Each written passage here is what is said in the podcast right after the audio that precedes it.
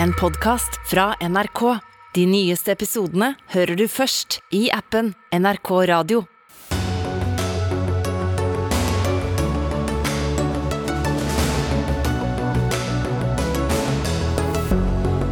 Tilliten til politiet synker. Det kan de takke seg selv for, sier en kommentator som møter politidirektøren her i Dagsnytt 18.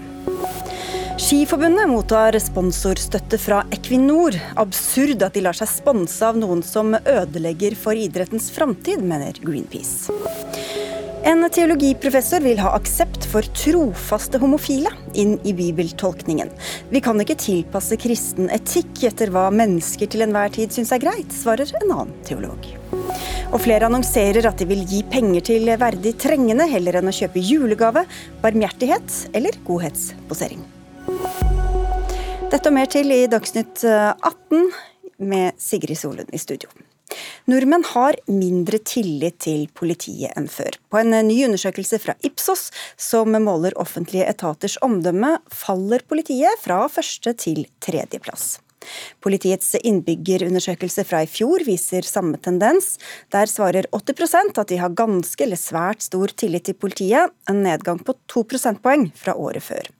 Fortsatt høy tillit og en beskjeden tilbakegang, men like fullt, politidirektør Benedicte Bjørnland, dette er vel ikke en utvikling du liker? Nei, den, eh, det er ikke en utvikling vi liker. Eh, og når du nevnte Ipsos-undersøkelsen, så har vi også fått eh, ganske tydelig forklaring fra Ipsos at dette knytter seg til enkeltsaker. Og når vi ser på dette året som, er, som er i ferd med å renne ut, så har vi hatt en Baneheia-sak som har blitt gjenopptatt. Eh, en Tengs-sak. Eh, vi har hatt Kongsberg-hendelsen i fjor eh, høst. Og vi har hatt en NMPF-sak og tvangsmiddelbruk i mindre alvorlige narkotikasaker som vi også har sett etterdønningene av. Og alt dette tror vi har bidratt til at vi har hatt et, en dipp på tilliten. Og Vi kan jo komme litt inn på noen av disse enkeltsakene, men er det noe sammenheng her? da? Er det noe overordnet som dere kan ta tak i, i stedet for å bare si at ja, det var, det var de enkeltsakene? Tillit er jo noe vi jobber egentlig for hver dag. Eh, vi tenker at det er ferskvare. Eh, og i et eh, stadig egentlig mer komplekst samfunn, så fordrer det også at vi henger med i dette komplekse samfunnet, og en befolkning som også stiller krav til sitt politi. Og det å være et godt politi som både evner å handle når det er behov for det, men også har dialog som egentlig sitt viktigste verktøy, det er, det er hele tiden noe vi må jobbe med og utvikle i takt med den at befolkningen utviklingen utvikler seg. Ja, Dette er vel kjernen av noe du skriver om også. Anne Rokkan, du er kommentator i Dagens Næringsliv og har skrevet bl.a. om hvordan politiet forvalter voldsmonopolet sitt. Mm. Du sier du politiet må innse at samfunnet har endret seg, men det virker ikke som du mener at de har endret seg helt i takt med det? Nei, altså Det eh, jeg mener har skjedd de siste årene, er jo at vi som publikum, og som på mange måter er eh, på måte politiets kunder, vi har endret de kravene eh, vi stiller til hvilken respekt vi får av politiet. Eh, og det har vi egentlig god grunn til. Vi er en mer fredelig og lovlydig og mindre kriminelle befolkning enn noensinne. Særlig gjelder det dagens unge, som har hatt et massivt dropp i kriminalitet. Samtidig så er vi mer utdannet og egentlig opplyst enn før. Eh, og Lektor ved Politihøgskolen Elisabeth Myhre Lie sa til NRK tidligere i november at vi vet at politiets autoritet har endret seg de siste 50 årene. Det handler om en samfunnsendring, og autoriteter er i dag ikke naturgitte. Det syns jeg egentlig oppsummerer det ganske godt. Men det som skjer dersom politiet ikke får med seg dette, er jo at det oppstår en slags sånn dissonans mellom politiet og publikum. Og Det er farlig for politiet som er der ute, det er farlig for oss som møter dem, og det er veldig farlig for den tilliten som er helt nødvendig for at politiet jo skal kunne utføre sitt veldig viktige samfunnsoppdrag på en god måte. Men Hva slags eksempler har du da på at politiet ikke møter folk med den respekten som du etterlyser? Altså Det er på en måte to, to, deler av det. ene er de store, ganske alvorlige sakene som har vært de siste årene. Særlig eh, i den måten man har møtt eh, publikum på i mindre alvorlige narkotikasaker. Eh, men det går også på en sånn helt sånn, mer sånn menneskelig måte hvordan man behandler folk man bare treffer i, i ikke nødvendigvis kriminelle situasjoner. Og Jeg ble litt inspirert av denne tekst, til den, skrive den teksten av en NRK-sak den jeg nevnte fra november. Her rapporterte politiet at det har oppstått bråk på en, på en fest i, i Vesterålen, og at disse ungdommene ungdommene har flokket seg rundt politiet og bilen og hindret de å gjøre jobben deres. Eh, men en av 17-åringene som var på festen, han sier på sin side at de opplevde politiet som unødvendig aggressive, eh, og at denne flokkingen oppstod fordi situasjonen ble kaotisk og de skjønte ikke hva som skjedde. Og så er det mange forbehold å ta om en 17-åring på fest og sånn, men han sier noen litt interessante ting, som er f.eks. Eh, at alle har respekt med den fremtidige misbruker han. At politiet kunne bare bedt oss om å eh, høflig på en måte om å flytte oss. Og at eh, det kan ikke være sånn at bare fordi de har uniform, så kan de få gjøre hva de vil. Og Dette, dette er en veldig anekdotisk historie, men jeg tror at den er ganske illustrerende for den bryskheten som mange opplever at de møter fra politiet uten at det skulle være noen særlig god grunn for det. Ja, ikke sant? Du trenger ikke å kommentere på denne enkelthendelsen, Bjørland, men er det sånn? Hvordan, hvordan møter politifolk publikum? publikum? Er det vanlige folk? da, som vi også kan Jeg kjenner meg ikke igjen i et eh, gjennomgående brysk politi. Det gjør jeg virkelig ikke. Vi har jo en selvstendig interesse vi, i at eh, vi har tillit hos publikum. Hvis vi skal kunne gjøre en god jobb, hvis vi skal kunne få nok informasjon fra publikum, at publikum kontakter oss hvis de har vært vitne til straffbare forhold etc., så er vi avhengig av denne tilliten. Så dette dette jobber vi faktisk ganske systematisk med for å opprettholde og, og, for å forbedre. Så sier ikke jeg at alle møter er perfekte. Eh, for vi har, jeg tror vi har ca. 650 000 oppdrag i året. Og at noen av de går feil, det, det, det gjør det. Eh, og det kan være veldig vanskelige oppdrag, komplekse bilder vi går ut i for å løse, eh, og som ikke ender med det aller beste.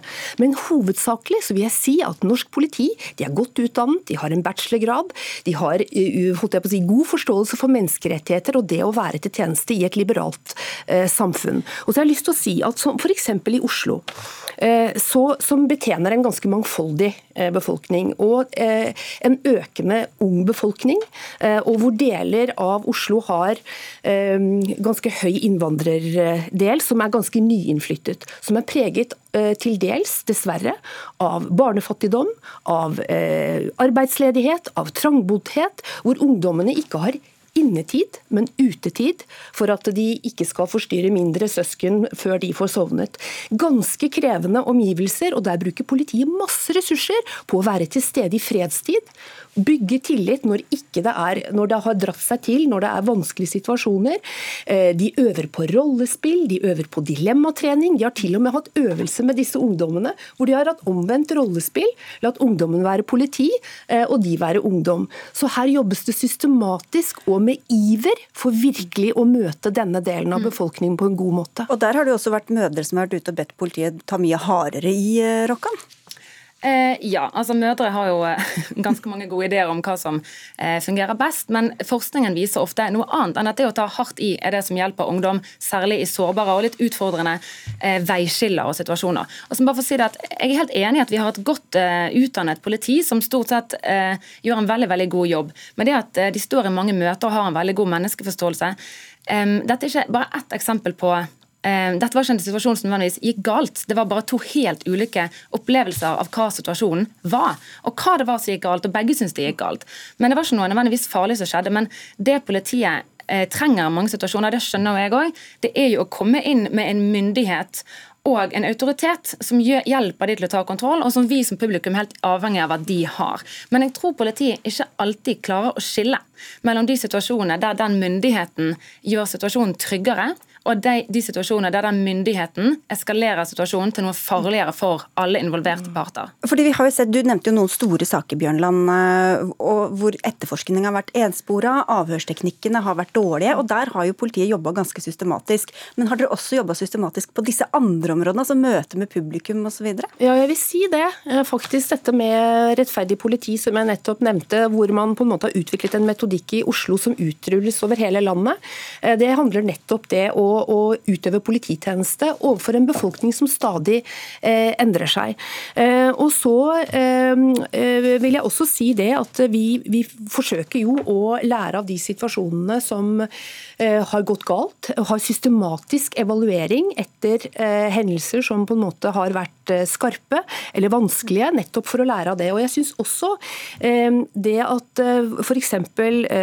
Kongsberg, Al-Noor-moskeen, altså terrorhendelser, Eh, vi har hatt eh, eh, det var mange eksempler. Ja. Og vi har hatt Eirik Jensen-saken. altså Alle store, vanskelige saker hvor ting ikke nødvendigvis har gått så bra, så har vi selv tatt initiativ til at vi ønsker å bli evaluert for å lære. Og Nå skal dere også evalueres på dette som dere nevnte begge to, NNPF, altså Norsk Narkotikapolitiforening, som er en privat forening som bare har veldig mange politifolk eh, som medlemmer, og som jobber bl.a. mot avkriminalisering av eh, ulovlige rusmidler. Og Dette handler ikke om en engangsepisode, dette er jo et, skal vi si, et system, Rokkan, eller hvordan virker det som om politiet har tatt tak i dette? Synes du? Ja, altså, Jeg er jo helt enig med Benedicte Bjørnal i én ting, og det er at det har vært mange alvorlige saker de siste årene der politiet har gjort feil. Eh, og En av de som har kommet tettest på publikum flest i et ganske massivt omfang, er jo nettopp det vi har snakket om. Eh, den eh, helt ulovlige tvangsmiddelbruken overfor befolkningen. Det er alvorlige overgrep, det er nakenransakinger. En ting er folk man kan mistenke for å ha brukt cannabis, eller det som lettere er. Det er snakk om klimaaktivister som gråtende blir tvunget og holdt fast og kledd av. Ettertid blir de funnet at det var helt ulovlig å gjennomføre, og de får straffelettelse etterpå. Eh, og dette er gjennomgående. Eh, ta lappen fra folk som har eh, rusmiddelbruk uten at det på noen måte skulle true trafikksikkerheten osv. Det har kanskje vært en litt sånn systematisk mangel på kritisk refleksjon, for det har ikke manglet på varsler, det har ikke manglet på bevis, det har ikke manglet på spørsmål ved jussen i dette, men det har blitt systematisk overhørt. Men én ting er på en måte de store sakene, men jeg vil også bare si at det er fint at dere har fokus på skarpe situasjoner og rollespill og sånn, men det er egentlig de veldig liksom, det du skulle tro det var en lett og myk situasjon, der publikum ofte blir stående igjen med en følelse av å ha blitt utsatt for noe ubehagelig, bare fordi at mistanken og stemningen i situasjonen har vært så dårlig. Ja, starte med det siste. Eh, og Det handler bl.a. Om, om dette med eh, å møte eh, altså kontrollslitasje, f.eks. Ikke de skarpe situasjonene. Kontrollslitasje. Altså, man kontrollerer for ofte? Man kontrollerer for ofte, eh, og kanskje ja. Eh, ungdom med annen hudfarge enn hvit. da, Brun hudfarge, f.eks. Jeg bare savner at politiet er like høflig mot meg som jeg er mot dem. Ja. Men, men men, og det, på en måte, eh, det er jo noe vi absolutt har lyttet til og tatt inn over oss, og hvor vi nå 5. desember Først på påtrykk fra ganske mange utenfra, ja, da. Men vi, vi lytter, og det er på en måte også vært ganske sånn juridisk komplekst å iverksette dette vi nå starter med 5.12., som handler om å, å, ha en pilot på kvitteringsordning, sånn at de som kontrolleres av politiet i Oslo sentrum, får en kvittering på det. Det er å ta publikum og deres ønske på alvor. Og så har jeg lyst til å si til dette på NMPF eh, og tvangsmiddelbruk eh, i mindre alvorlige narkotikasaker, som er to helt forskjellige eh, sider av et ganske bredt komplekst. Men dette med tvangsmiddelbruk i alvorlig eller mindre alvorlige narkotikasaker. Der kom Riksadvokaten akkurat nå med en ny undersøkelse hvor han sier Riksadvokatens inntrykk er at politiets etterlevelse av Riksadvokatens føringer er blitt bedre, og på enkelte områder betydelig bedre enn ved forrige undersøkelse. Ja, Dette har vi tatt Det skulle jo bare mangle at politiet ja. lytter til politiets øverste leder. Det forventer jo jeg òg. Ja, og selvfølgelig Riksadvokaten har et veldig tydelig ansvar her i fagledelse, mm. eh, i å revidere og gi føringer, og vi innretter oss. Og Da kommer det også en rapport om denne rolleforståelsen over eh, jul, så får vi ta en ny runde da, om ikke før. Takk skal dere ha, begge to. Benedicte Bjørnland, eh, politidirektør redaktør og kommentator Anne Rokkan.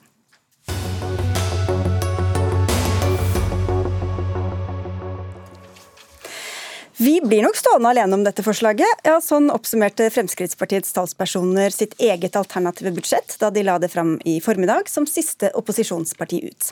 Partiet klemmer til med nesten 58 milliarder kroner i skatte- og avgiftslettelser neste år. og Røe Steffensen, du sitter i finanskomiteen på Stortinget for Fremskrittspartiet. Det er jo litt penger det, da. Hvor henter dere dem fra? Eh, ja, altså Først og fremst tar vi og sørger for at vi reverserer en del av de eh, skatte- og avgiftsskjerpelsene som eh, regjeringen har kommet med. Og så har vi valgt å gjøre grep som sikrer at folk og bedrifter får mer penger til å komme seg gjennom den krisen som er nå. Og Det finansierer vi inn bl.a. med store kutt i bistand. Vi henter inn penger fra Folketrygdfondet, økte utbytter fra statlige selskaper. Kutt i byråkrati, og vi bruker mindre penger på NRK. Mm. Ja ja, det er lov. Hadde meningsmålingene styrt, så hadde jo dere hatt rent flertall med din gjeng, Heidi Nordby Lunde, medlem av finanskomiteen på Stortinget for Høyre. Du sa at dette, da vi snakket med deg før sending, et ikke realistisk drømmebudsjett, men det var kanskje ikke deres drømmebudsjett, eller? Nei, jeg tror nok at eh, både Fremskrittspartiet og Høyre, eh, både i disse dager og tidligere også, har vært enige om at dette landet ville vært bedre styrt dersom vi satt i regjering, også nå. Eh, så vi har mye vi er enige om, men, men jeg tror vi har to litt ulike innstillinger til hvordan vi har laget våre alternativer alternative budsjetter. Med drømmebudsjett så mener jeg at Frp ser ut til å ha tatt sine primærstandpunkter og lagt det inn i et budsjett, og det er veldig bra. Synliggjør sin egen politikk. Mens vi i hovedsak har forholdt oss til det fremlagte statsbudsjettet og, og prøvd å gi det en retning. Så vi mener at vi, vårt budsjett kunne vært vedtatt i morgen eh, dersom regjeringen falt, og kunne blitt styrt på.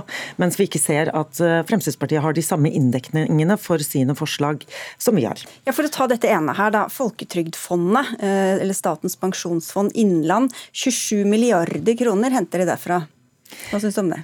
Ja, altså nå er jo, eh, Vi mener jo at det er litt vanskelig å, finansiere varige utgifter og skattekutt med et midlertidig uttak fra Folketrygdfondet, som vi vet at eh, er jo et varig uttak.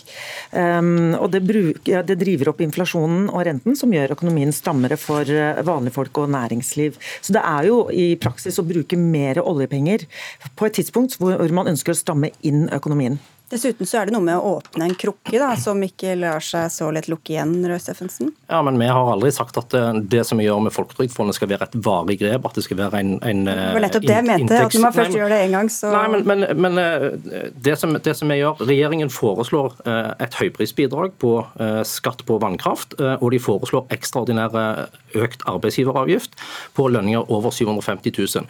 Det har de sagt er midlertidige grep som vil, koste, som vil, ta inn inntekter på ca. 27 milliarder kroner. Det er om lag det samme vi tar i ekstraordinære inntekter fra Folketrygdfondet. Men, men, men da pleier dere å si at dette tror ikke vi noe på at kommer til å bli midlertidig, når det er de andre som gjør det? Nei, men vi har, vi har, lagt til grunn at dette er eh, et midlertidig engangsuttak. Det er ikke en varig saldering som skal være. Men så er det også verdt å huske på at eh, Folketrygdfondet har jo selv eh, spilt inn til Finansdepartementet i 2019 at de er bekymra over at Folketrygdfondet har blitt for stort i Norge nå. At eierandelen er for stor. Og et av tiltakene de foreslår er jo bl.a. varig uttak. At et årlig, fast årlig uttak kan være, kan være veien å gå. Men uansett så ser vi at Folketrygdfondet er blitt for stort, at det er vi nødt til å gjøre noe med. Det mener enstemmig finanskomité har bedt Finansdepartementet om å finne ut hvordan vi skal håndtere eh, veksten i Folketrygdfondet. Og da har vi sagt at mens vi venter på det, så tar vi ut et årlig uttak på 27 milliarder kroner. Og Det høres jo helt tilforlatelig ut, men eh, dersom, eh, man har spart, dersom banken din sier at nå har du spart veldig mye penger på sparekontoen din, vi anbefaler deg å gjøre noe annet, så er det ikke gitt at de mener at det skal gå til forbruk, men kanskje finne andre spareformer.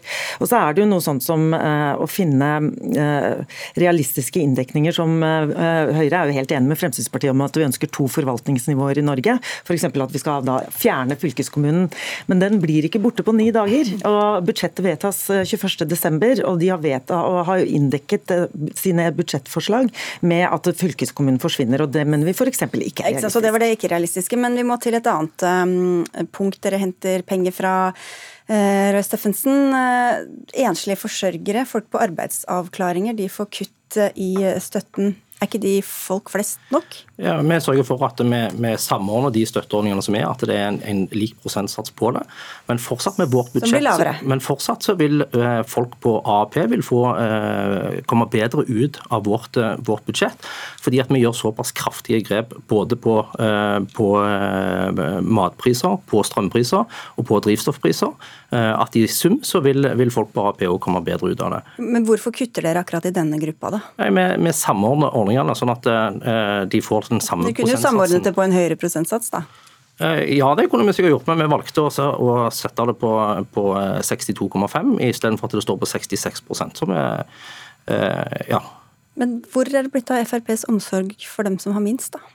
Nei, Det er jo nettopp det vi gjør med vårt statsbudsjett. Så sørger vi jo for at vi eh, foreslår eh, skattelettelser til de som har eh, minst. Vi foreslår at folk skal komme seg ut av den krisesituasjonen som er nå, hvor det er økte kostnader på både drivstoff, på strøm og mat. Og Totalt så vil da barnefamilier de vil komme ut med nesten 30 000 kroner mer i, i økt kjøpekraft med vårt budsjett i forhold til det som regjeringen legger opp til. Dette vekker jo mye harme, men kanskje på den andre siden av den politiske streken enn der hvor du mm. befinner deg, eller hva, Heidi Nublendu? Ja, vi har nok litt ulike innretninger her, og her er jeg enig med Frp at man må se på helheten av hva man legger fram. Jeg tror vi også har noen omprioriteringer innenfor eh, arbeid og sosial også, men tar det igjen på lavere skatte, eh, eller mer skattelette til de som har lavest inntekt, og ikke minst styrking av barnetrygden. Så du må se på helheten i økonomien eh, til folk. Men her har jo vi også vært enige om at vi ønsker forenklinger og forbedringer i de sosiale ytelsene. Uavhengig av årets budsjett, men også for å gjøre fremtidens velferdsstat mer bærekraftig. Men eh, Frp de kjører jo på som du sier, med sin egen politikk. Eh, Høyre har sittet i dette studio veldig mange ganger og kritisert eh, den sittende regjeringa for å gi, skattlegge for mye, gi for lite strømstøtte til næringslivet. og Så kommer deres alternative budsjett, og så er det jo ganske blåkopi av det regjeringa har lagt frem? Ja, Det er jeg uenig i. Altså, vi gir jo reduserer inntektsskatten for vanlige folk, fjerner den ekstra punktene. arbeidsgiveravgiften og senker formuesskatten. Men vi beholder noe av det som er midlertidige, ekstraordinære kraftinntekter, som vi hele tiden har sagt at bør omfordeles tilbake igjen til husholdninger og næringsliv, så lenge eh, den kraftsituasjonen vi har i Europa pågår. Hvor ble det Høyre, lurer dere på? Ja, for det Vi, vi registrerer at Høyre sier at det er ikke eh, det er ikke realistisk å, å eh, nedjustere skatte- og avgiftsnivået med 40 36,1 milliarder kroner, som det regjeringen foreslo i økning. Så De mener altså det er realistisk å øke skattene og avgiftene med 46 milliarder kroner, men at det er bare realistisk å, å kutte det med 10 igjen. Eh, da vil jeg minne om at Frp og Høyre brukte åtte år på å kutte eh, avgiftene, skatter og avgifter med 36 milliarder kroner. Nå når Høyre står alene uten oss, så har de brukt åtte uker på å akseptere skatte- og avgiftskutt på 36 milliarder kroner. Ja, det var et frieri, eller? Ja, det er et litt, billig, litt, for billig poeng. fordi at igjen, Dette her er jo ekstraordinære inntekter som etter hvert vil bortfalle. Hvor vi sier at det eh, hele tiden har sagt at ekstraordinære inntekter fra kraftbransjen bør omfordeles i støttepakker tilbake til personer og næringsliv som sliter nå under den kraftsituasjonen vi har i Europa. Og så er vi jo skjønt enige da, om at eh, budsjettene ville blitt bedre av at vi jobbet sammen. Eh, og at vi ville komme til enighet, til tross for kanskje litt hardere retorikk, nå som vi blankpusser våre profiler. Ikke sant. Da har dere noen år på å samkjøre dere, så får vi ta noen runder til her. Takk skal dere ha begge to. Roy Steffensen fra Frp og Heidi Nordby Lunde fra Høyre.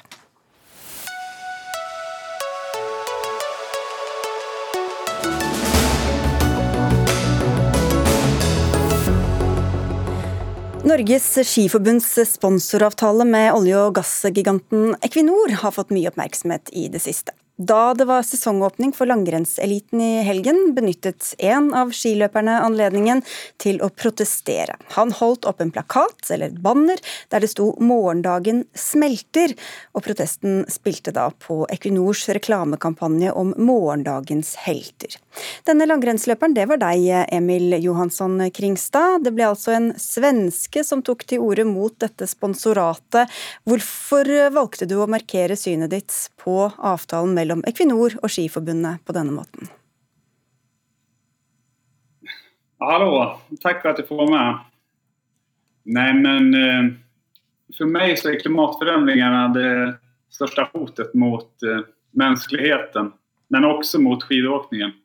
Så det blir litt absurd nesten at et smutsig oljebolag som Equinor skal, skal sponsre hele arrangementet.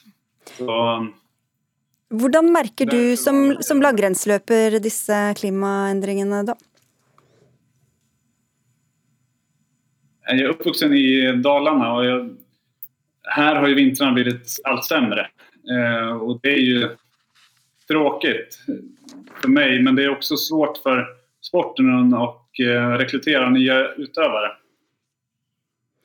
Og så fikk du, um, eller Det internasjonale skiforbundet, belønnet engasjementet ditt uh, med en bot på rundt 10 000 kroner, akkurat under grensa hva man kan klage på. Hva syns du om å bli bøtelagt, for å si det du mener? Ja, det er vel det er litt patetisk at det er just at de satte summen, så at man ikke kan overklage. Men hur som helst, så, eller det var jo for at de ville tysta ned det hele. Men eh, det har vært eh, Ja, jeg er jo her nå, så at, eh, de har ikke lykkes riktig med det. Og boten er redan betalt. Den er betalt. Masse snille mennesker som da fikk du litt økonomisk hjelp. Takk skal du ha, Emil Johansson Kringstad. Frode Pleim, du er leder i Greenpeace Norge. og Det var dere som sto bak denne aksjonen på Beitostølen. Nå var det jo reglene, reglene er som de er, men hva syns du om at denne boten kom? For å si det på denne måten, på mandag så gikk Norges institusjon for menneskerettigheter ut og minna eh, skiidretten og folk i Norge om at citat, ytringsfriheten gjelder i idretten også. Citat slutt. Og Det syns jeg sier ganske mye. Eh, for for oss så er det eh, veldig rart og ganske skummelt at Eh, Emil Johansson eh, Kringstad fikk eh, bot for på en fredelig måte å holde opp en liten plakat mot sportsvasking, mens oljeselskapet Equinor har sine reklamer overalt i norsk skiidrett, på tross av at det faktisk er en stor trussel mot hvite vintre. De har jo betalt for det, da. Eh, Ola Kaul, du er leder for myndighetskontakt og bærekraft i Norges Skiforbund, eh, og for noen også kjent som president i Brettforbundet. Hva slags ytringsfriheten er det i skiidrett når det koster 10 000 kroner å si meningen sin? Um, ja, nå er det jo da uh, slik at for alle terminfestede skirenn her i Norge, så er det da en jury som, som følger opp et internasjonalt regelverk. Det blir ikke riktig av oss i Eh, eh, Skiforbundet og skulle mene noe om det som eh, juryen her har bestemt. Da kan vi la det ligge. Vi kan... Vi er, ja, jeg skal bare få... Unnskyld, unnskyld at jeg avbrøt deg. Vi skal bare komme til, til bak til deg, Pleim. fordi Utgangspunktet her er jo denne, for protestene er jo denne mangeårige sponsoravtalen mellom Equinor og Skiforbundet. Vi har invitert Equinor hit også, de takket nei. Men hvorfor er dette så kritikkverdig, da? Greenpeace heier på norsk skiidrett og norsk skikultur. Det gjør, det gjør Skiforbundet, sikkert de fleste i Norge. Men problemet er at vintrene blir stadig kortere. Eh, Meteorologisk institutt melder om at det blir stadig kortere vintre, stadig færre vinterdager fra sør til nord i Norge. Og årsaken er globale klimaendringer. Og det som vi mener at Skiforbundet faktisk må mene noe om, det er at de er sponsa av et oljeselskap som bidrar til at disse hvite vintrene blir borte. Og det er, det er, absurd at vi er i en situasjon eh, på samme måte som at, at Kreftforeninga aldri skulle tatt imot penger fra et tobakksselskap, så bør ikke norsk sider ta imot penger fra oljeindustrien. Men, men utslippene kommer jo fra alle mulige sektorer. Hvilket selskap hadde vært rent nok til at dere syns det var greit at de eh, sponsa Skiforbundet? Altså, gå inn i altså, hvilke selskaper som er liksom, OK eller ikke OK. Men det som er åpenbart for oss, er at et oljeselskap bør ikke sponse norsk skiidrett. Ja, Vintrene blir mildere, snøen dere trenger smelter, smelter Kaul. Hvorfor skal dere ta imot penger fra noen som driver med noe som helt åpenbart bidrar til den utviklingen? I eh, Skiforbundet så er det sånn at vi har eh, 144 eh, store og små eh, eh, sponsoravtaler eh, med eh, norsk næringsliv, som til sammen bidrar med rundt 200 millioner kroner i året. Disse avtalene er vi eh, stolte av, og de er alle med på. og hører oss til verdens viktigste skinasjon i både bredde og i topp. Det betyr eh, ikke at vi eh, inngår eh, sponsorsamarbeid ukritisk. Vi gjør etiske avveininger hver eneste dag av stor betydning for skisporten. Og avtalen med Equinor, det eh, er en avtale som har betydd masse for norsk langrennssport. Eh, og eh, spesielt rundt talentutvikling og morgendagens helter. Mm. Um, og et sted må jo komme, bare slippe til Pleim her også, et, et sted må jo penga komme fra også? Et sted må penga komme fra, og det trengs jo både statlig og kommunal støtte og sikkert sponsorpenger til skiidretten og all idrett i Norge.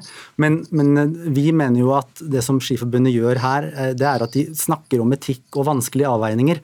Når det gjelder etikk og vanskelige avveininger, da er det ikke så vanskelig med et oljeselskap. Equinor kan ikke ha et, eller Skiforbundet kan ikke ha et oljeselskap på laget, de må diske Equinor. Og det som vi synes er spesielt, da, er at Equinor beskriver jo sitt samfunnsoppdrag, det er derfor de støtter kultur og idrett.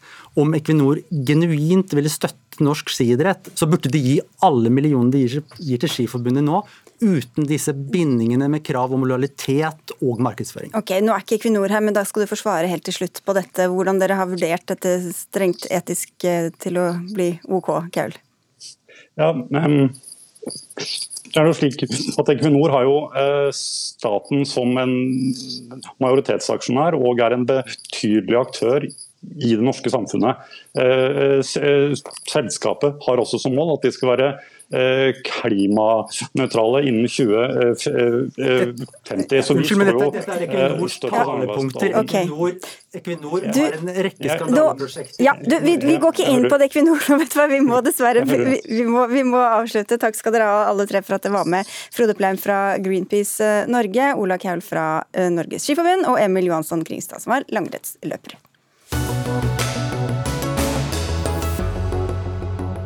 Etter mange lange opprivende debatter så kom Den eh, norske kirke fram til at de kan leve med to syn om likekjønnede forhold kan aksepteres eller ikke. Nå går diskusjonen også i mange andre kirkesamfunn, og det er ikke grunnlag for å begrunne motstanden mot trofaste likekjønnede forhold ut fra Bibelen, skriver du i Vårt Land, Harald Hegstad. Du er teologiprofessor ved MF Vitenskapelige høgskole. men du har vel endret standpunkt selv. Hvorfor mener du nå at homofile par må aksepteres på linje med heterofile i kristen etikk? Men er ikke dette noe originalt synspunkt fra min side. Dette er jo noe som mange har hevda i lang tid, ikke minst i Den norske kirke. Så jeg er vel heller en etternøler i dette spørsmålet. Men for mange er det ikke sånn i andre frikirkelige menigheter? Nei, bakgrunnen for at jeg skrev dette var et seminar som Norske kirke arrangerte i vår, der LHBT-personer eh, delte sine erfaringer med kirkens holdninger og praksis, og hva de hadde gjort med dem. Og det var slett ikke noe pent bilde. Og Det fikk meg til å skrive en artikkel der jeg skrev at problemet ikke bare var at vi har vært ikke har vært hyggelige og inkluderende nok, men at det er den teologiske oppfatningen som lenge preget Kirken som har vært problemet, og som fortsatt er rådende i mange miljøer. Så artikkelen min er en utfordring til å tenke en gang til, også i miljøer som uh, mener at dette er en uoppgivelig del av kristen etikk. Av hensyn til menneskene? Det av hensyn til menneskene, for jeg mener Man kan ikke bare diskutere dette som isolerte spørsmål om bibeltolkning osv. Man må også se konsekventene, hva dette gjør med mennesker i praksis. Men sånn konsekvensetikk, da, som vi kan kalle det, det er du og mange med deg nokså avvisende til i et annet innlegg i Vårt Land. Espen Ottosen, du er teolog og informasjonsleder i Misjonssambandet. Hvorfor er ikke menneskene viktigere enn den teoretiske kristne etikken? Jeg tenker at alle vil jo vektlegge konsekvenser når vi ser på hva en handling fører til. Men uh, som kristen, uh, og dette blir jo en intern kristelig debatt, så vil jeg vel, vil legge veldig vekt på hva Bibelen sier. Uh, og det jeg leste Harald Hegstad påpeke, det var at dette er liksom bare enkelttekster i Bibelen. Det er liksom noen, noen litt sånn detaljspørsmål om vi skal åpne for Eh, homofile forhold i kristen etikk. Men for meg er det en, en, grunntanke i Bibelen, en rød tråd, om at Gud skapte oss til mannen og kvinne. Gud innstiftet ekteskapet som en heterofil ordning.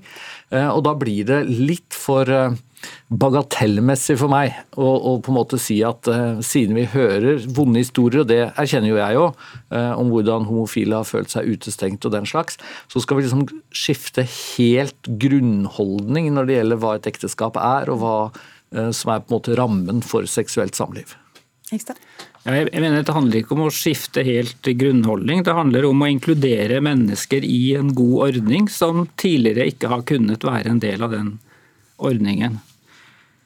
Eh, jeg er heller ikke sikker på, som eh, med Ottesen, at det, som, at det, er så sentralt i det bibelske budskap, dette med ekteskap og, og samliv. Det er viktige ting, men eh, enda mer grunnleggende er jo det bibelske budskapet om nestekjærlighet, om rettferdighet, om at Gud setter oss til et liv i frihet osv. Og, så og når kristne etiske per, standpunkter fører til et liv i fortvilelse, selvfornektelse, at man blir fratatt oppgaver i den kristne sammenheng man tilhører osv., så, videre, så bør man tenke gjennom det på nytt. Ja, fordi Folk er jo homofile overalt. Espen Ottosen. Hvordan skal de forholde seg til det, da, hvis de blir fratatt oppgaver f.eks. I din menighet fordi de har den uh, legningen de har? Jeg er jo veldig opptatt av at eh, legning er aldri grunn til diskvalifikasjon. Og, jo, kjenner jo ganske mange kristne homofile som, som da velger å leve som single ut ifra en konservativ samlivsforståelse. Eh, og Jeg er jo kjempeopptatt av at de må vi inkludere. Og så vet jeg at Harald Hegstad og mange andre sier at ja, men, men for andre så, så, oppleves det som en umulig tanke å, å velge et liv som singel. Og, og, jeg erkjenner jo fullt ut at, at, det er krevende, men for meg blir det på en måte enda Hvis det samme kravet kom til deg, da? Du må leve et liv som singel hvis vi skal godta deg. Ja, det er jo et, eh, et kjempespørsmål, men jeg tenker jo faktisk at mange heterofile får jo et sånt krav i kristen sammenheng, i forbindelse med et samlivsbrudd, i forbindelse med at de si, aldri fant den rette. Eh, det vil være ganske mange i vår tid som også vil si at det å leve et tradisjonelt monogamt liv er uh, umulig. Sånn at jeg tenker at uh, det Hegstad her gjør, er å åpne døra.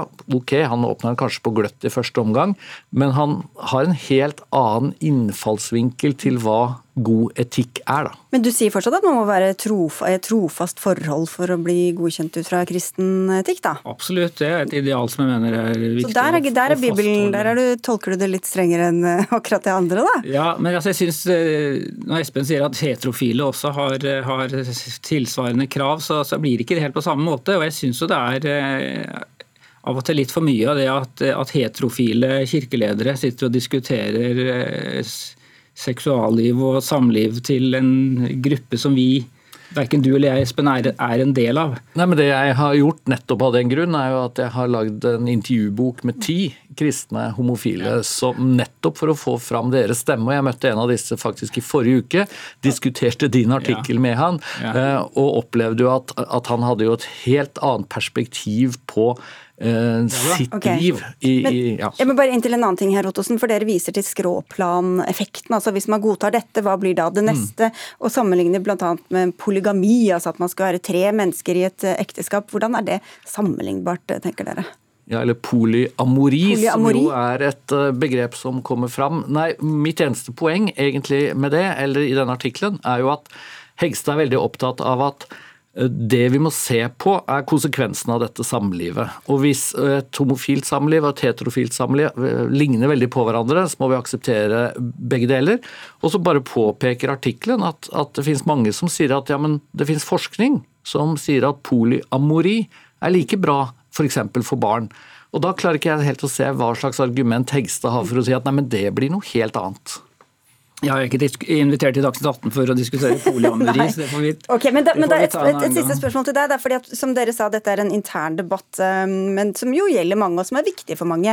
Men for den majoriteten av den norske befolkningen så er jo, er, er jo likekjønt ekteskap helt uproblematisk. Hvorfor er det så viktig å forankre dette i den kristne etikken? Nei, for Det er jo det vi gjør som kristne og som kirke. Å prøve å tolke livet i lys av kristen tro og i lys av Bibelen. Eh, men jeg tror jo at, at den, den, insisteringen på motstand mot homofilt samliv, og det å kalle det for synd, det er eh, heller med på å svekke Bibelens autoritet og også kristentroens stilling i, i samfunnet. Fordi det framtrer så urimelig å kalle noe for synd som ikke har noen skal vi si, de kjennetegn som syndige handlinger ellers har. At de bryter ned menneskelivet. Og Det er nok der vi er veldig uenige. fordi jeg tenker at Det du gjør med din snuoperasjon, er jo å sette Bibelen på et eh, sidespor. Og det tror jeg får ganske store ringvirkninger rundt de neste svingene. Vi må avlyse teologiske seminaret her, så får dere ta debattene videre internt. Takk skal dere ha begge to, Harald Hegstad, professor i teologi, og Espen Ottosen, teolog og informasjonsleder i Misjonssambandet.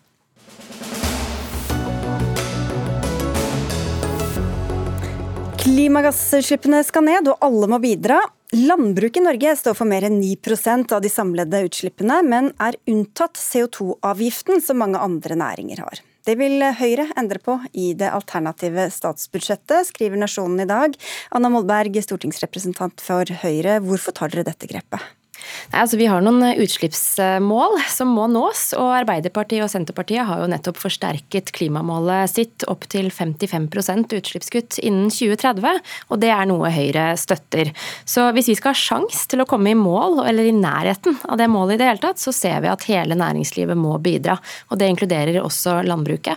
Så mm, Det er jo sånn i dag at eh, landbruket lenge har vært unntatt. Eh, en, Ikke kvotepliktig sektor, som yes, det heter? Yes, mens alle andre har betalt 2000 kroner per tonn CO2-utslipp. Så det vi gjør nå, er å innføre en veldig forsiktig, lav avgift på 100 kroner per tonn.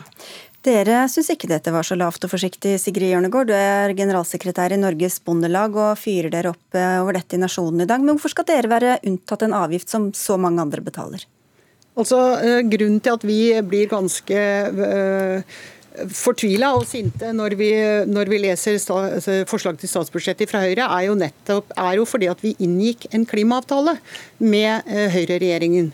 Og Hele grunnlaget for den klimaavtalen var jo nettopp at vi ønsker å bidra. Selvsagt skal norsk eh, landbruket også bidra til eh, klimakuttet og, og, for så vidt også å binde og, og lagre CO2.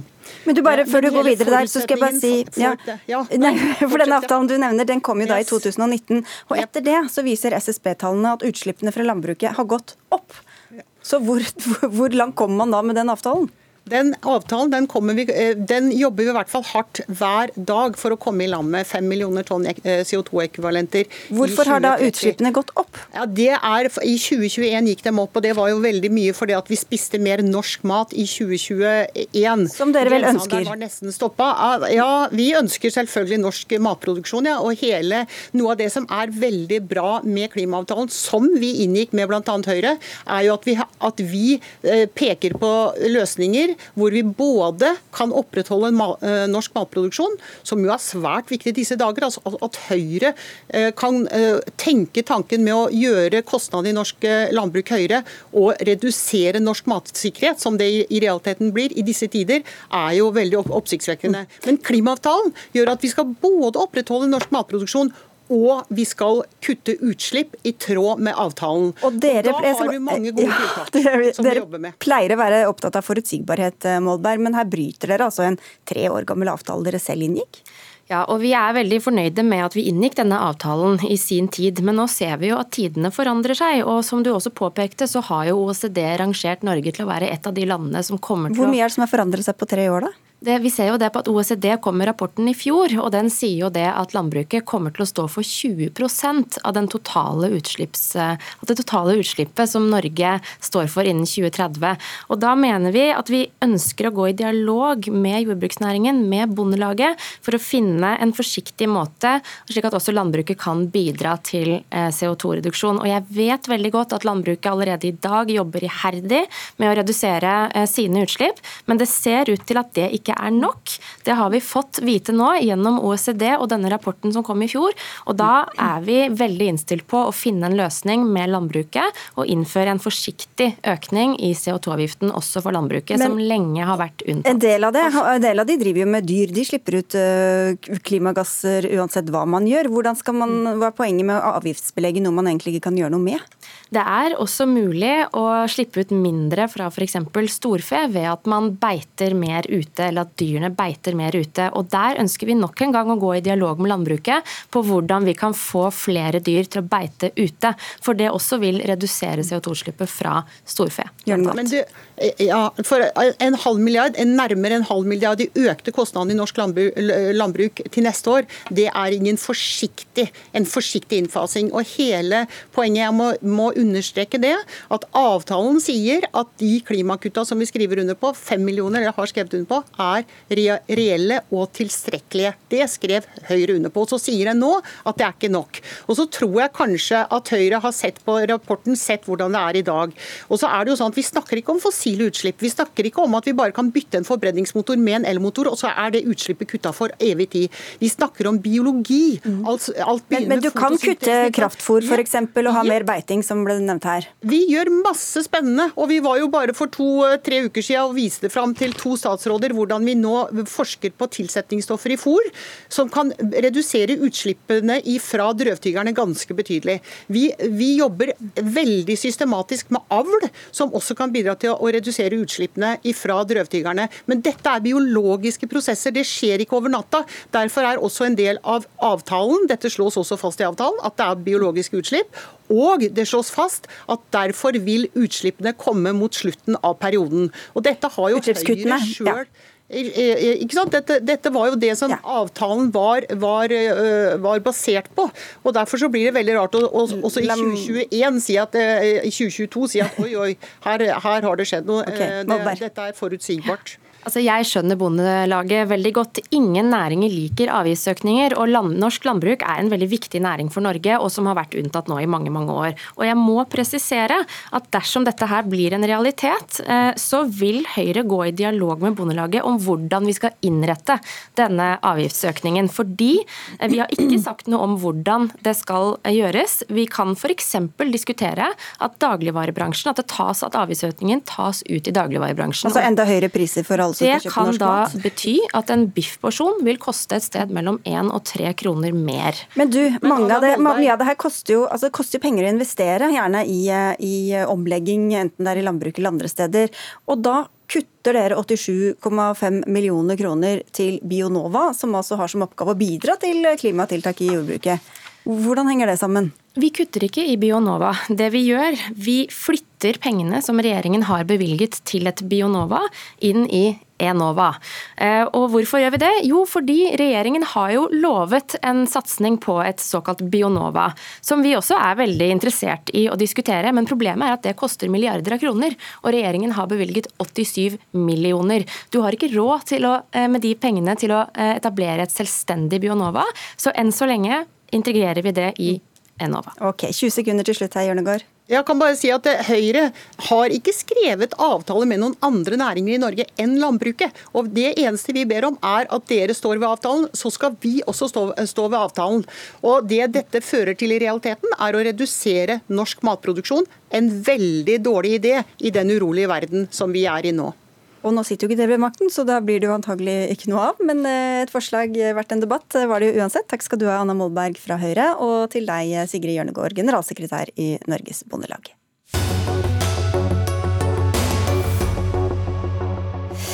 I dag er det ni måneder siden Russland gikk til totalkrig på Ukraina, og ukrainernes energiforsyning gjennom vinteren blir stadig mer usikker.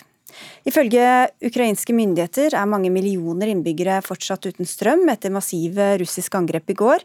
Dette kommer antagelig til å føre til en økt strøm av flyktninger til andre europeiske land. Jan Egeland, generalsekretær i Flyktninghjelpen, du er i Kiev akkurat nå. Å fryse eller flykte, er det det valget ukrainerne står overfor nå? Ja, På mange måter er det blitt det brutale valget, nettopp pga. at Russland nå fører krig mot sivil infrastruktur. Det igjen betyr at millioner ikke bare mister strøm, de mister varmen. Eh, og de mister vann, som eh, drives eh, av pumper, som igjen mister energien.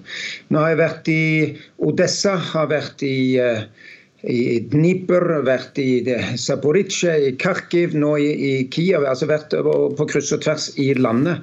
Og Det gjør inntrykk å se svære byer fullstendig mørklagt. Eh, se mange hundre mennesker vente på et tog som ikke lenger kan komme. Eh, og møte da eh, familier som har forteller at nå har de ikke hatt verken elektrisitet eller gass til å, til å lage mat eller for den del brensel, i månedsvis. Ja, hva er den største utfordringen for, for ukrainerne i hverdagen? Den største det, det spørs hvor du er i landet. I østlige og sørlige områder hvor, hvor, vi nå har vært, så er det jo fortsatt krigen. Altså det, er, det, er, bombing over nesten hele landet på denne infrastrukturen, som gjør at millioner av mennesker mister helt alminnelige tjenester eh, til sine hjem. Men det er også eh, krig langs en veldig lang frontlinje. I går eh, var vi i området som ble gjeninntatt av ukrainske styrker for noen uker siden. Dette er øst av Kharkiv, altså nær frontlinjen. Dette var landsbyer som nå fikk nødhjelp for første gang på, på mange måneder fra Flyktninghjelpen. Disse stedene er minelagt av russerne gamle mennesker i 70-80-årene bor i ganske ødelagte hus, eh, og de, har, de fryser. De vil imidlertid ikke dra derifra. Mange sier dette er vårt land, dette er vår jord. Eh, grav, vi, vi, har gravsteder like ved. Her skal vi bo, her skal vi dø. Hva kan dere og andre organisasjoner og for så vidt andre land også bidra med eh, best inn til folk i Ukraina nå? Det første som må skje, er at alle kanaler må brukes for å nå fram til russerne, til å forstå at det er folkerettsstridig å bruke vinter som våpen og ødelegge energiforsyningen til millioner av mennesker. Men dernest så må vi nå bygge opp et større hjelpeprogram, ikke minst i de områdene som er vanskelig tilgjengelige fordi de er nær frontlinjene, fordi de bare veldig nylig har blitt tilgjengelige eh, ved at de er gjenerobret av ukrainerne. I tillegg så eh, vil vi fortsatt forsøke å komme inn i russiskkontrollerte områder. Det er ille i på den ukrainskholdte siden av frontlinjene. Det disse som kom over frontlinjene i forgårs, og som vi møtte, fortalte, er jo at det er helt ulidelige situasjoner i Mariupol og andre steder hvor russerne ikke tillater Flyktninghjelpen eller andre vestlige grupper foreløpig å drive hjelp. Jan Egeland, Flyktninghjelpen, takk skal du ha med for at du var med fra Kiev.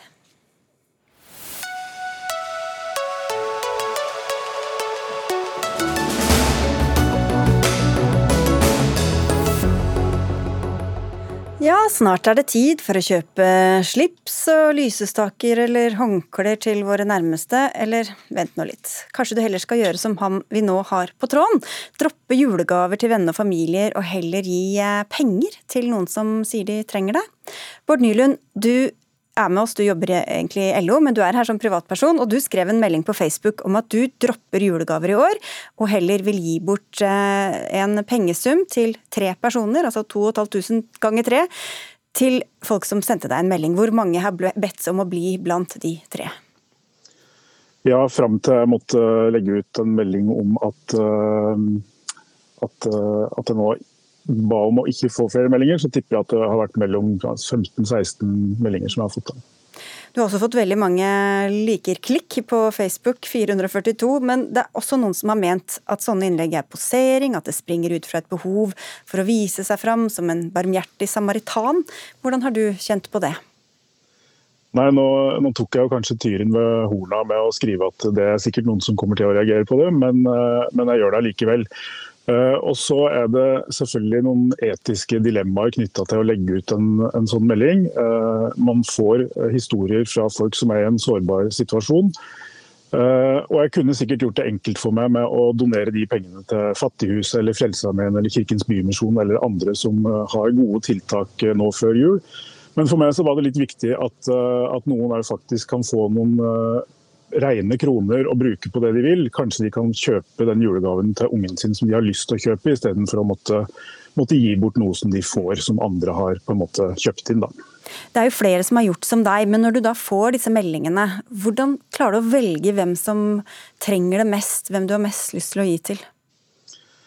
Ja, det er jo det som, eh, som er et dilemma. Men, eh, men, det er noe med at eh, noen meldinger treffer sånn uh, rett inn. Uh, og da har det egentlig ikke vært så veldig vanskelig. Uh, to av de var veldig åpenbare for meg å, å, dele ut til. Og den siste valgte rett og slett å trekke blant, blant de som hadde sendt meg en melding, og endte opp med å gi den siste gaven til en helt ukjent person. Torgeir Kolsøs, du er sosialantropolog og professor ved Oslo OsloMet. Som jeg nevnte, det har jo vært en del sånne innlegg i eh, diverse kanaler. Mange får mye applaus, men det er også en del som blir møtt med kritikk. Er det, er det pur godhet som ligger i bunnen, eller? Det er nok forskjellig fra person til person. Nå skal jeg si at jeg er dundrende inhabil. Jeg var en av de 442 som jeg tror til og med slank på et hjerte på den oppdateringen til Bård Nylund, fordi jeg syns det var en god gjerning på alle måter. Og jeg mistenker ikke Bård for å ha noe som stikker under. Men eh, på annen side det er jo andre prinsipielle spørsmål ved dette som knytter seg til en større bekymring rundt f.eks. privatisering av velferden. Og det er en grunn til at vi har det landet vi har, og det er bygget opp på, på prinsippet om at vi skal slippe å stå med lua i handa. Vi kan analysere store deler av våre skattepenger gjennom fellesskapet, for at fellesskapets prioriteringer, som er da sikret gjennom demokratiet, at det er det som skal være styrende, og ikke den enkeltes velvilje. Ingen skal være prisgitt eh, innskytelser fra hvem jeg ønsker å gi noe til eller ikke.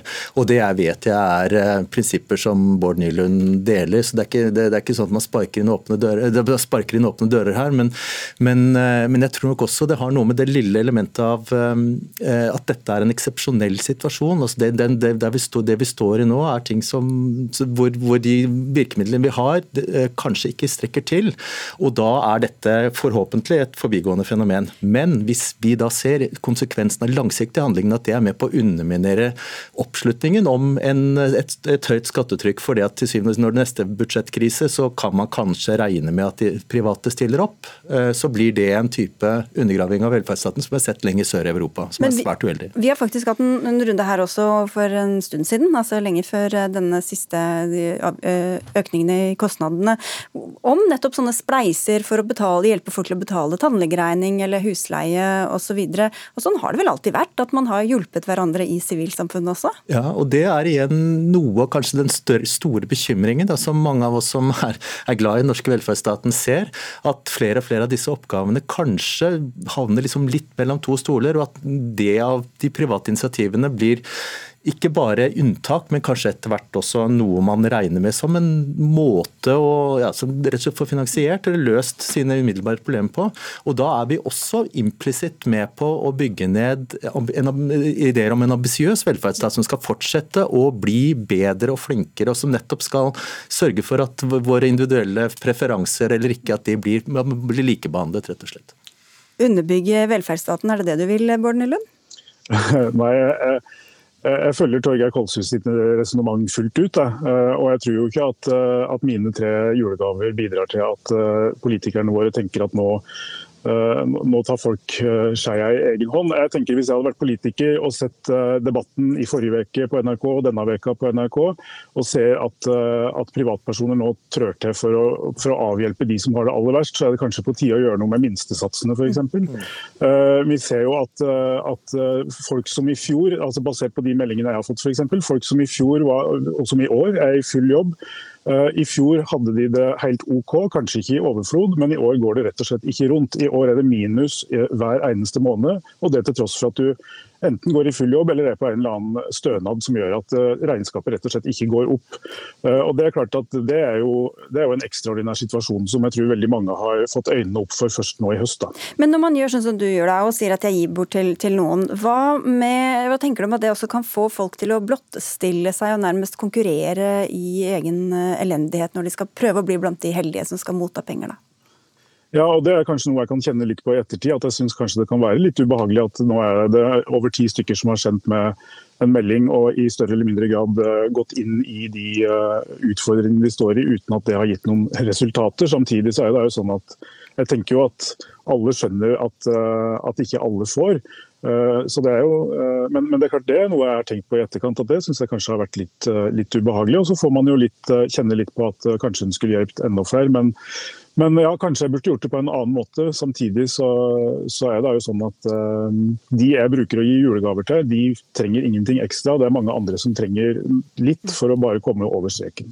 Hvordan eh, dette med å gi og ta, altså hvis man skal be om penger, blottstille seg på et vis, og også være den som mottar det, hva gjør det med den som gir og den som uh, får? Det, det, skaper jo en, en underordning-overordning. Uh, og nå tror jeg ikke de, de, vi som gir tenker noe annet enn at vi gir av, av et rent hjerte. Vi har ikke ikke noe underliggende motiver, Men for den som mottar, så kan det jo ofte føles litt du, du blir, det er jo, altså, Man blir jo stående i en gjeld som tross Selv om giveren mener at det ikke er tilfellet, så vet mottakeren at det er det. Altså, den lysestaken jeg fikk fra tante i fjor, den står der og roper litt på meg. Eh, og det var nok for mange av oss litt sånn Da, da Kirkens Nødhjelp i sin tid kom med geiter, og vi kunne endelig gi noe som både ga mening og i tillegg var, var, var faktisk en konkret Eller trodde var geit, det visste det var noe annet på baksiden, men eh, som var en konkret gave, så tenker vi at nå har vi løst mange problemer. Men i min familie så var det åpenbart at geit ikke var greit. og da var Begeistringen over sånne gaver var ikke like stor, rett og slett fordi at på samme måte som gaver gir venner, så gir også venner gaver. Og da er det, den, den, fysiske virkeligheten Vi er ikke så gode kanskje det, til det i Norge til å uttrykke eh, ja, eh, kjærlighet og ønske om intimitet på andre måter enn gjennom det, disse fysiske gavene. Så ved å frata det, så blir det også fratatt en del av vårt vokabular. Men eh, pengene kommer i hvert fall godt med for dem som får det. Takk skal dere ha begge to, Bård Nylund og Torgeir Kolshus. Dagsnytt 18 er ved veis ende. Erlend Rønneberg, Vegard Erstad og jeg, Sigrid Solund, takker for følget.